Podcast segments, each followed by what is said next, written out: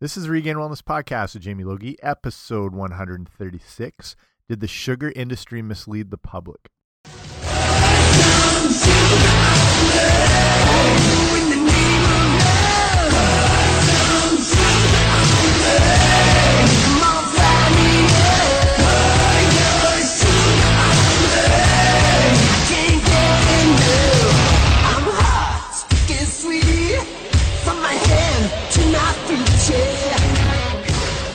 Guys, what's happening? Welcome back to the podcast. I'm Jamie Logie. I run regainedwellness.com, and this is the Regained Wellness Podcast of the same name. Thank you for joining me here today, talking about a, if you've been following. This is sort of mainstream-ish news, but if you follow anything like nutrition related and um, health and wellness and stuff like that, you've seen this issue come up about the sugar industry with its looks like honestly straight up misleading of original studies that found sugar to cause heart disease and um, cardiovascular disease and the things that have been associated with saturated fat over the years, and that they, you know, stopped doing the research and sort of buried the data. And there's a whole bunch of info and stuff I'll cover. So that's what this whole whole show will be about with the sugar issue.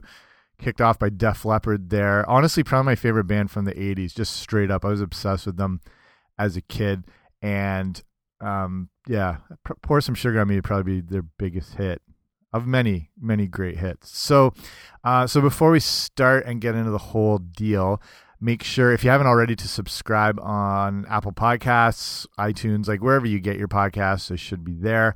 And if you're interested in sponsoring the show slash me, I'm part of a thing called Patreon, which is like kind of a crowd funded way to support things like you know podcasts and any artists all sorts of stuff like that. But it's you know it starts as low as like a dollar to a month. And then if you support at different levels or there's different rewards. So like in my case there's you know ebook ebooks and nutrition guides um straight up like nutrition coaching all sorts of stuff. So you can check that out at patreon.com slash wellness. Okay let's get into this whole thing now Okay, so there'll be a lot of info in this, and a lot of what I'm looking at here is based on a lot of the information that came out through the New York Times, also in the Toronto Star here in Canada. Shout out to the Six, if you know what that means. Um, and it's something, honestly, I've personally been aware of for a while. Um, the idea that sugar was, you know, kind of at considered at the sort of root cause of the things that saturated fat was always attacked for. Not that saturated fat is completely off the hook here, but this info goes back quite a long way. And I, I'm even a couple years ago, I remember writing an article about it. It's just one of those things that's sort of been in the mix for a while, and it's a little more mainstream. Um, maybe I just spent so much time, you know, reading and researching and learning about nutrition issues. So it's something that's always floated around there, but now it's a little more prominent and I'll cover all that stuff in it. So like I said, a majority of the research will be based around what was reported uh, through the New York Times. And the basis of everything is that the the sugar industry was funding animal research in the 1960s that looked into the effects of sugar consumption on cardiovascular health. So, you know, and then that's connected with things like heart disease and, um, you know, certain cancers, but specifically like as that you know cardiovascular disease and heart disease being you know some of the top killers overall and that was the investigation. So then when it some of this info suggested that sugar could be harmful they buried the data. And this is according to newly released historical documents. So these i guess you can call them like what the article is referring to as internal industry documents that were through the sugar associations, and they were uncovered by researchers at the University of California in San Francisco. And they put them out in the what is it in the Journal of uh, Biology on Tuesday. So what is this now? November twenty fifth. So it's, it's like less than a week ago. So the reports authors say it builds on evidence that the sugar industry has long tried to mislead the public and protect its economic interest by suppressing a lot of this really worrisome research um, and data, which we can only look back and see the tobacco industry doing the exact same thing, and the lid's been blown off that years and years ago. But it's the same thing through the 50s and 60s. They would just the tobacco industry would fund their own research to try to, you know, downplay the effects of tobacco, and they would sort of squash anything that said um, tobacco was bad, and then they would bring in like their own researchers and doctors. And if you ever remember, you've probably seen these commercials on TV, the old commercials from the 50s and 60s, where there's doctors or people dressed up as doctors actually smoking, saying how you know cigarettes aren't bad. You can see like print advertisements, which are hilarious. I'll try and I've used them before. I'll try and find one if I can link up on the show notes today, which will be regainedwellness.com slash 136. So that'll have all the stuff I'm talking about here. And there's actual advertisements where there's doctors talking about how, you know, cigarettes are smooth and calming and it's got sort of drawn images of these friendly, helpful looking doctors that are smoking. And, you know, they, they build a whole industry on trying to cover up what was, you know, actually killing people. And, you know, later on we found it and it's, um, sugar's being looked at the same way. If you watched Mad Men, the series, which is brilliant. Um, and just its way, like it looks into how advertisements and Mad Men, like the Madison Avenue men who were creating the, these advertisements and marketing promotion, were, I mean, their jobs were to create these feelings and not just like necessarily push products. Whereas, like in original advertising, say they're promoting a watch and they just be like, here's the watch, this is what it does. And then in the 50s and 60s, with these guys in New York, the Don Drapers of the world, they would learn how they had to like sort of tie into people's emotions because we buy based on feelings and emotions and what these things can bring us, not just the physical object. So all their marketing would be based around this is you know selling you a feeling. And one of the big things in the whole series is the whole tobacco issue because they're one of the i think they work with lucky strike and they're one of the big marketers for it. And it's been easy to sell it all like through all the years and years and then a lot of these reports start coming out that oh it's causing cancer and they're trying to get on top of this whole thing. And that's you know leads into them you know trying to sell that feeling more and that emotion um, and trying to get away from all that stuff. If you haven't watched Mad Men it's just it's brilliant just to see how we can be manipulated into what we buy and stuff like that. So so basically it's just connecting um, the tobacco industry of you know suppressing worrisome research, and that's it looks like that's what the sugar industry is doing. So this the documents that they have show in 1968 a trade group called the Sugar Research Foundation, which is now today known as the Sugar Association, funded a research project on animals to shed light on the connection between sugar and heart health.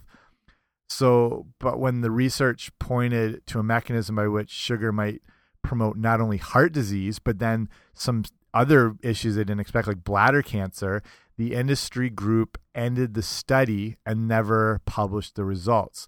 Um, they thought they were going to find out good news, and then the complete opposite happened, according to all this stuff. So, obviously, the sugar industry has, you know, always insisted that sugar has no unique role in promoting obesity, diabetes, or heart disease through numerous studies by you know independent researchers um you know that if you look deeper are a lot of the times uh, their people they're having to do like you know coca-cola is infamous for this like using their own um, networks and resources to find you know to do the studies to try to oppose the very thing they're selling which is just a massive conflict of interest. If you ever look in studies that seem questionable and that they're up available online, you can track back the support and the funding from it, and you'll find some surprising stuff. And it happens all the time.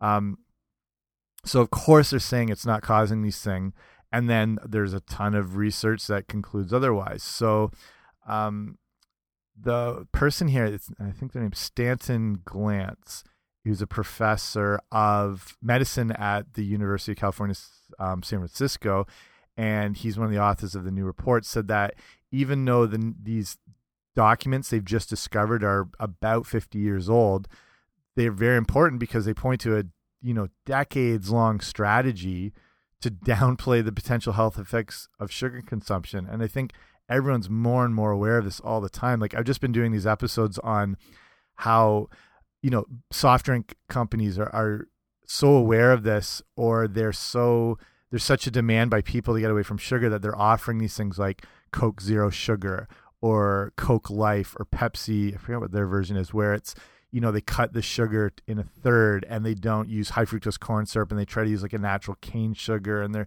so I mean obviously everyone's aware of this and I think we've probably already always known to stay away from sugar, but it's just interesting to see this stuff coming up now more and more.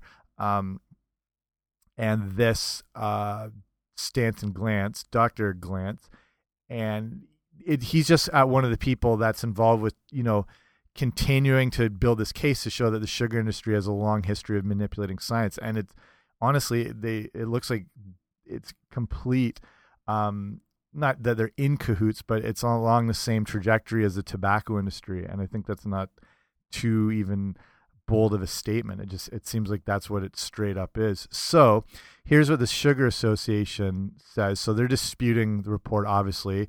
They're calling it a quote collection of speculations and assumptions about events that happened nearly five decades ago, conducted by a group of researchers and funded by individuals and organizations that are known critics of the sugar industry, which I don't know, to me, that really sounds like an actual dispute. It's just them trying to call foul on what they're doing. So, the current research uh, was funded mainly by the National Institutes of Health and the Laura and John Arnold Foundation, which is a private foundation that has given money to support taxes on sugary beverages. And the statement said that sugar, so this is, you know, from the Sugar Association people. Sugar consumed in moderation is part of a balanced lifestyle.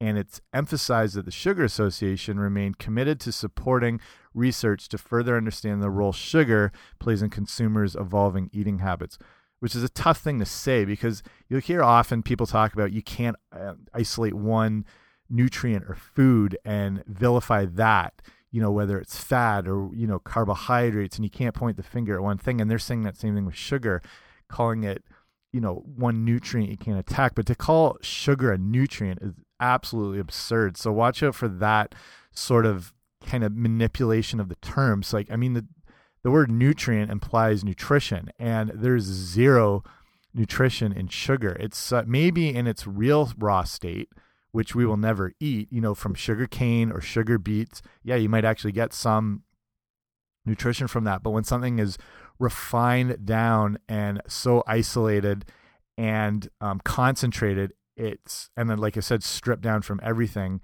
it's no longer really a nutrient. It's the same thing like with salt. Like natural sea salt, yeah, is probably pretty good for us, you know, in limited amounts and depending on your sodium issues, but it's full of a ton of you know micronutrients and trace minerals and stuff like that. But when table salt, like sodium chloride, is super refined down and heated, and there's zero nutrition in that, and it's not too much of a stretch either to look at sugar being completely non-nutritious and da dangerous the same way cocaine is. So cocaine's derived from the coca leaf.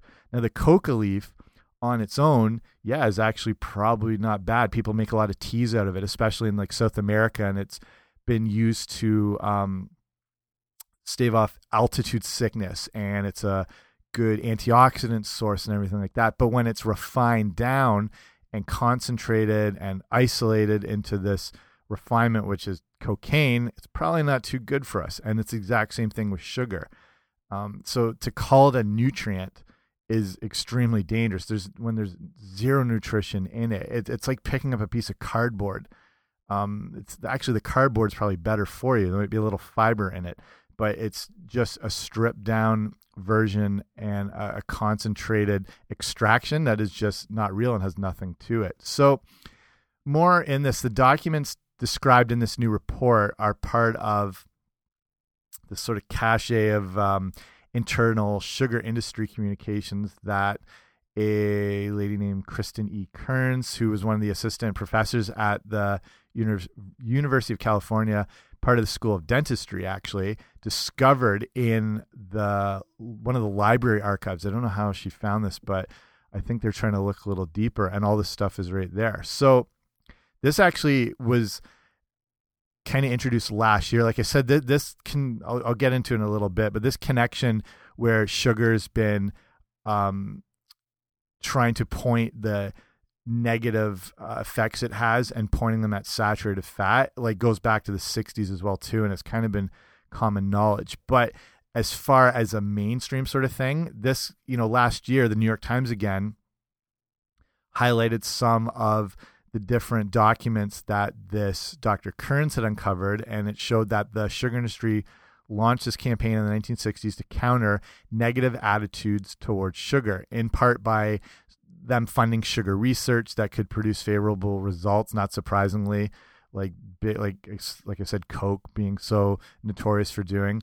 And the campaign was orchestrated by a guy named John Hickson, who's a top executive at the what is now the Sugar Association.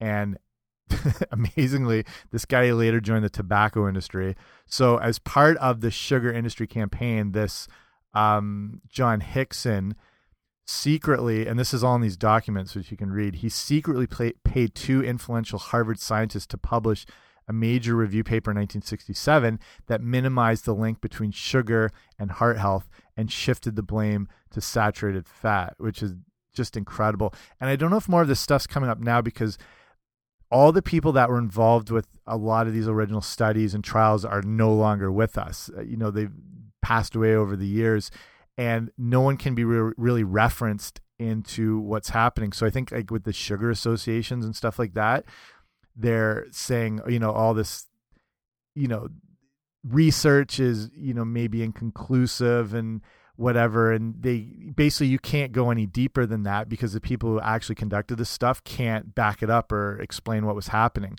And at the same time, you've got this guy, this John Hickson, this top executive paying off Harvard scientists to publish the reviews saying it's you know not that harmful. Um, so the report that came out on the Tuesday, which is what was that six days ago, so the twenty first. I don't know something around that in November. This is 2017, depending when you're listening to this, and the report revealed additional internal sugar industry documents from the era, and they showed that this Mr. Hickson was worried at the time about emerging studies indicating that calories from sugar were more detrimental to heart health than calories from starchy carbohydrates, you know, like grains and beans and potatoes and stuff like that. And he suspected this might be because the microbes that reside in our gut, like our good um, gut bacteria, the microbiota, metabolizes sugars and starches completely differently depending on what the form of starch is. And some of the good, more, you know, complex carbohydrates or things like they call resistant starches actually can help feed the gut bacteria in a good way, whereas sugar can um, help the bad the bad gut bacteria grow. There's sort of this balance you're trying to create in your gut bacteria between the good and the bad gut bugs is basically the easiest way to put it. And the bad ones can feed on sugar and it actually wants more and more. And when you crave sugar, it can be linked to actually this gut bug bugs craving the sugar. So it's almost completely out of your control because you're I talk about this a lot. Your your gut is your small intestine where all your digestion and absorption starts to happen and it's where your gut bacteria resides and it's uh, your gut back your sorry your small intestine is sort of considered your second brain in your body and two-thirds of the neurotransmitters that your body makes that's you know involved with the brain as far as you know feel good hormones and serotonins and all that sort of thing are made in the gut and it controls so much. So when you're craving sugar it's not only the addictive sort of narcotic effect that's hitting your actual brain it's hitting your gut um, your small intestine which is like your second brain. So you're basically at the mercy of this major control function in your body. So it's no way it, we have people say it's you know willpower and and they they give in and like oh i have no willpower. No you're trying to fight against these mechanisms that you completely cannot combat against. They're that powerful and they're that controlling. Um, so that was one of the things they were looking you know oh, at, the gut issue and you know finding out. And we're no and now we know more and more. This is you know back in the 60s where they're wondering about the whole issue of the microbes in the guts um, and they thought, oh, all sugars and starches are the same, and the gut deals with them the same. And we're learning that's not the case at all. And there's the different starches react with the different um, bugs in your microbiome and, and the whole deal and how sugar works, and which is a whole massive thing, but interesting that they were looking into it even back then. So, in this is the next year, 1968, the Sugar Organization starts what they call Project 259. And this group or this project recruited a researcher at the University of Birmingham. This is in England, not Alabama. Um, guy named W.F.R. Pover and paid him the equivalent of almost 200 grand in today's dollars to conduct a laboratory study on animals. And the goal of this experiment was to test whether germ free rats and guinea pigs that lacked gut bacteria would respond differently to sugar and starches than normal animals. So trying to see are these, you know, they're just handled the exact same or is there a difference and is one affecting us more than the other? So the initial results then describe next the year after 1969 um, in their internal industry report um, they found the results to be of quote particular interest unquote and that raised a concern so the rats fed sucrose the main component of cane sugar had produced high levels of an enzyme called beta glucuronidase. I think i'm always saying that right. Glucuronidase. That's what i'm going with. Um, which three other studies published around that time had associated with hardened arteries and bladder cancer, the stuff that usually saturated fats associated with hardened arteries and bladder cancer, but they're finding that the sucrose is causing this enzyme to be secreted. So this is one of the quote here is this is one of the first demonstrations of a biological difference between sucrose and starch fed rats that the internal industry report you know that's what they stated which had never occurred to them and never was thought to be apparently a conclusion. So the documents show that this Dr. Pover found something else highly significant. The initial phase of the research appeared to confirm that sugar's adverse effects on cholesterol and triglycerides were a result of it being metabolized and fermented by gut bacteria. Like I said, it just feeds on this stuff and can create all these bad issues. And at the same time, the gut bacteria is craving more and more. So when you're eating sugar, you're feeding this gut bacteria, and in turn, it's altering and affecting your cholesterol and your triglycerides. So this Dr. Pover said at the time that he was close to the completion of this project 259, the testing of um, starches and sugars on gut bacteria in rats, but he needed an extension to prove conclusively that the effects he was seeing were mediated by the microbiota. So um, he just wanted to look further and further. But despite having granted him a previous extension, the sugar industry pulls the plug on this whole Project 259, immediately eliminates the fundings because the results are shocking. They didn't know sugar was connected to these things. And in another internal report, this is all I can put this whole the entire report thing is all online, like the New York Times linked it up. And there's a link in the article to the actual full report, which I did read, and it's massive and very interesting. But I can link that up if you want to see it. So regainedwellness.com/slash one three six. So in this internal report then in 1970, so this has gone over from 1968, sorry, 67, 68, 69, then 1970, that Hickson guy I was telling you about updated the sugar executives on the studies that could elicit useful and significant information for the industry and then describes the value of that whole project 259 as quote unquote nil that there was nothing to it. So the industry report suggested that the dr pover who was conducting the original those studies with the rats was disappointed noting that he expressed hopes of obtaining continuing support from the other sources basically it's like long story short the sugar industry freaks out over what he's finding as far as the um, heart disease issue, cholesterol, triglycerides, all being linked to sugar and how it absolutely, um, what's the word, just sort of contorts and um, deforms our gut bacteria um, into creating these conditions in the body. And this guy, um, Pover, sorry, Prover, no, it is Pover, my bad. And he's wanting to look further and he's, you know, this is alarming stuff. He wants more support they give him none. He never succeeded in going farther. The research was never published. Um, and again, you can't look into it more because this Dr. Pover and that Hickson guy, they're no longer alive. So you can't follow up, you can't dig deeper. Um, again, back to the Sugar Association, one of their spokespeople said that the group reviewed its research archives and determined that Dr. Pover's study ended because it was delayed over budget and had overlap with an organizational restructuring, which sounds like a lot of crap.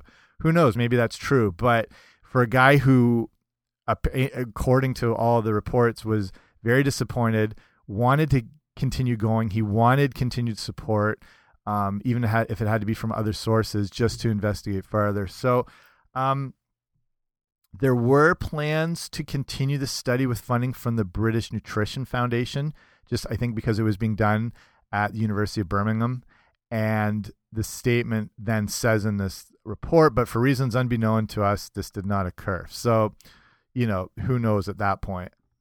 So some other interesting takeaways here. I'm going to get to the Ancel Keys thing in a second.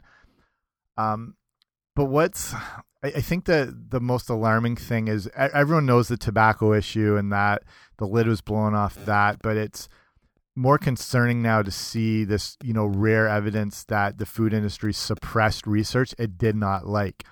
Um, and uh, like with cigarettes, I th I think from the get go, you know they're bad for you. The idea of, um, you know, inhaling smoke and exhaling it. I mean, straight up, you know, whatever. But you know, sugar's been used for a long time, and and it's been, you know, included in so much in our lives, from you know, baking cookies to drinks to you know, making your own lemonade to all, all these things that aren't associated potentially with harmful health, but as far as feeding yourself and nutrition. Um, but interesting that it would go that far back.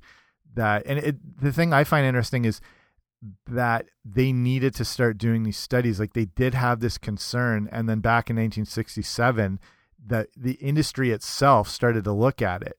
Um, so whether it's you know from the public concern or they were just um, you know like it was a lot of outside other industries that were finding the problems too. But the fact that it was that much of an issue, they went in, um, and that in that day and age is a lot easier to sort of put the squash on something and not have it leak out per se. And I, I think from what the the paper is saying is there the sugar industry's big concern was they didn't want to answer open-ended questions about whether sugar might be harmful um, you know whether it's to the rats or to us given the like early suggestions that there was possible harm and you know not wanting to do further studies to find out one way or another just the fact that people would ask the question is this maybe not good for us? They really didn't want to get into those discussions. Like it, it's not even saying it's straight up good or bad just the very issue of me is this something we should be concerned about? That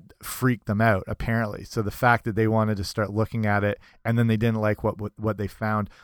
Um if you're at if you're wondering about the issue like you know how many studies are done on people as compared to rats that that's obviously very valid. And i think with some of the animals with rats like i think they have a similar digestive system as far as the the gut and the small intestine and all that sort of stuff. And and some people are like oh it's rats it doesn't connect to us. And th yeah that might be true. And you know it has been looked at with some human studies but there's not as many.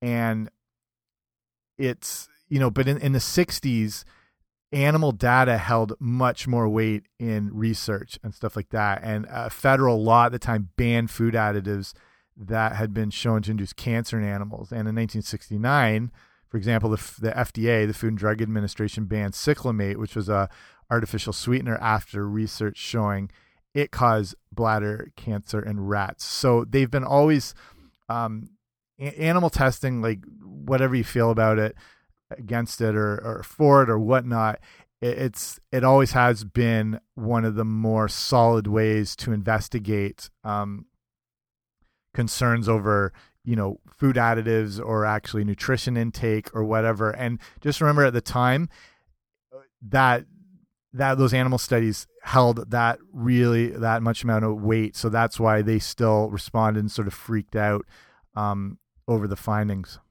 an interesting thing as well with the the cyclamate, that artificial sweetener. Um, and I recommend if you want to hear more about government interference with approving or disproving um, food additives and substances. Listen to the show I did on the whole aspartame issue if you want to just be horrified and outraged at how this stuff got um, approved and allowed to be consumed by people. I'll link that episode up too. It, it, pretty pretty nuts. Um, so an interesting thing with the the cyclamate is so you know the research showed that it you know could cause bladder cancer in rats and at the time the sugar association considered cyclamate a threat to its market share um, again people are already aware maybe we should be avoiding sugar so they're trying to find artificial sweeteners so they can cut sugar out of products until aspartame came along again in the not too long after this around in i think 1969 70 is when it started going but this is a little bit earlier on sugar associations worried that cyclamate's going to cut into their um, profits and had not only lobbied the FDA to remove it, but also, it turns out, funded some of the research linking it to the health problems that they found in the rats. So, as I, you know, reference the issue with the the studies of um, animals and lab animals and how it you know went into what they found with this you can look even further and it finds out that maybe they were involved in that hickson guy as mentioned before who was part of the sugar industry who left to go work for the tobacco industry. He actually went to work for the cigar research council which is a tobacco industry organization and in 1972 an internal tobacco industry memo on hickson notes he had a reputation for manipulating science to achieve his goals. And the confidential tobacco memo described him as a supreme scientific politician who had been successful in condemning cyclamates on behalf of the Sugar Research Council on what they said was very shaky evidence. So you can just see when it when it comes to these things when we talk about like, you know, big sugar and big farming and big um, tobacco and you know the overseeing sort of governing bodies of it when they're really looking out for their best interest what it can do. And this is just an example of all that. So this opens up the whole can of worms about so why then you know where did the idea that saturated fat actually cause all these things like i said the the sugar industry was finding you know, wait, sugar actually might be causing those things. And they sort of push that issue onto saturated fat. They're saying, oh no, it's causing the raises in cholesterol and triglyceride levels, and it's causing the heart disease and the cardiovascular health problems. So now, actually, like I'm tying more and more of this together, so I might be drawing a few of my own conclusions, but it comes down to a guy uh, I mentioned before named Ancel Keys. And he was an American scientist who, around this time, more in the 50s, but getting in the 60s, was starting to look at why heart disease, you know, which had not been a problem three, three decades prior, was now the number one killer in America. And this guy conducted what was called the seven country study to look into why this is so. And looking back, you know, maybe he already had a conclusion in his head that was potentially influenced by someone else, in this case, the sugar industry. And now I'm wondering if this is the whole deal. So, what he did was he looked at um, seven countries United States, Finland, Netherlands, Italy, Yugoslavia, Croatia, and Serbia. And he handpicked these countries that showed um, heart disease problems from you know higher saturated fat intake but he didn't include places where there was a very high saturated fat intake, yet they did not suffer from high rates of heart disease, like France, Switzerland, Sweden, at the time, West Germany. Um, and he also left off countries that had a high heart disease rate, but a really low saturated fat intake, such as Chile. So he had access to 22 different countries that had available data, but he only selected the few that matched his hypothesis, which you know is called blatant cherry picking. if you play hockey, a cherry picker is the guy who waits up way ahead of the play, waiting for the long bong pass, who doesn't have to do the work down low, gets the easy result, goes in and tries to get a scoring chance on a breakaway. That's what he did. He didn't do the hard work looking in. And now that I look back on this, maybe this was straight up the case that he was getting influenced, maybe potentially paid by um, the sugar industry, like they were paying these Harvard scientists, because he had this idea in his head, ignores all this other data, and out of 22 countries only picks. I don't know. It, it seems a little even more sketchy at the time. This is what I was saying. Like this idea has been up for a little while that sugar might have been um, the issue, and then Keys, this Ancel Keys guy's guy, became a part of the committee for the American Heart Association, and basically he had more of an ability to persuade and almost from from reading about the guy like he bullied his viewpoint in that that became kind of the standard. Um there was you know and at the time there's all this skepticism by the committees even if you know associated with the American Heart Association and the guy just was able to manipulate his message through. Um and either way the advice was to avoid saturated fat and this has been I don't know, almost like indoctrined into us. It's almost like gospel. I think there was a Time magazine article that came out back then talking to you know the issue of avoiding saturated fat and it, and it, to this day it's still in our heads about why we have to avoid it and that it causes all these you know heart disease issues and stuff when a lot of the research now is saying wait it's maybe not actually causing this and now we're looking at oh maybe it is the sugar that's been causing this. And we look back at the sugar industry kind of suppressing all this information. Um, interesting uh, as well with Ancel Keys. Uh, like the criticisms go back that far, and the criticism of the seven country study that was saying saturated fat was causing heart disease. Um, he was saying there was a tenuous association between the two, and he never actually came out and said that there was any possible pro uh, proof of the causation.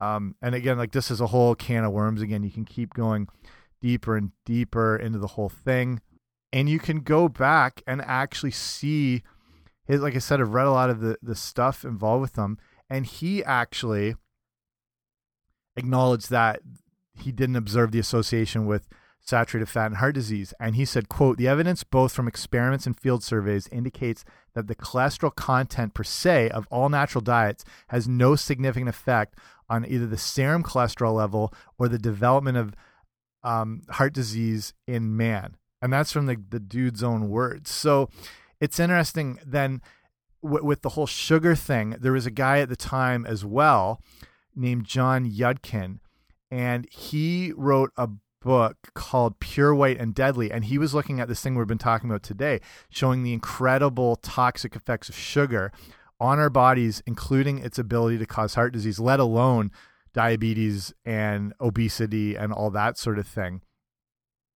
Um, and and the thing with this Yudkin guy, apparently he was very um soft spoken. He wasn't aggressive, and he was trying to get the same message out. Where this Ancel Keys guy was able to kind of take his message and more loudly proclaim it. Maybe he was getting his pockets filled and that's why he was more, um, you know, kind of singing it from the mountaintops because there was more um, a financial interest for him.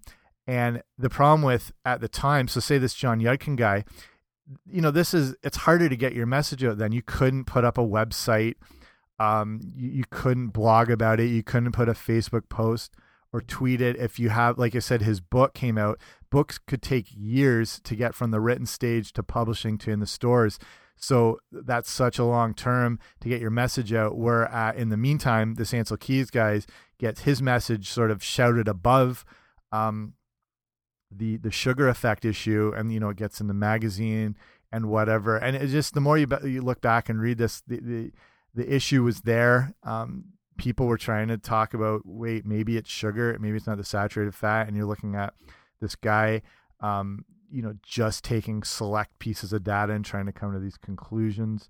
So yeah it's a whole mess of stuff. But again when it comes to industry and money and anything like that you know the big picture and you know ultimately the dollar reigns supreme over correct information and people's health. And i think we can see it not only how we saw in tobacco but we're seeing it in this situation. And and, and one last thing i was looking at too um, as far as where the issue of the saturated fat and the sugar and our consumption and what it was leading to during the time of these works. So this is in the 60s. Fats and oils supplied around 45% of calories, and around 13% of adults were obese, and under 1% had type 2 diabetes. Today, we're taking in way less fat. We get around 33% of calories from um, fats and oils, yet 34% of adults are obese and 11% have diabetes. And as of this year, it's even way higher. This is back from uh, a couple years ago. The obesity rates are through the roof. Fat content is down more than ever. Um, we're starting to eliminate sugar as well too. Sugar intake starting to go down, but it's still massively overly consumed. You'd, you'd just be shocked how much sugar you're consuming on a daily basis, even if you're conscious of trying to avoid it. I mean, it sugar's in everything from like cough medicines to salad dressings to frozen dinners to uh, like just in places you would never expect crackers um, soups you know it's it's absolutely everywhere. So you can be physically trying like okay i'm not i'm avoiding soft drinks i'm not drinking coke i'm not actually adding table sugar but it still is like creeping up on you in all these different ways. Um, so i think that's interesting to see um, what the actual ratios of what we were consuming at the time and what they're getting like today. So I'll kind of wrap it there. I know this sort of leaves it open ended, but I think that's a good thing for you to go and maybe look into this issue a little more. Um, like I said, it's like a labyrinth that kind of opens itself up. And Labyrinth was an awesome movie with the late David Bowie and a young Jennifer Connelly.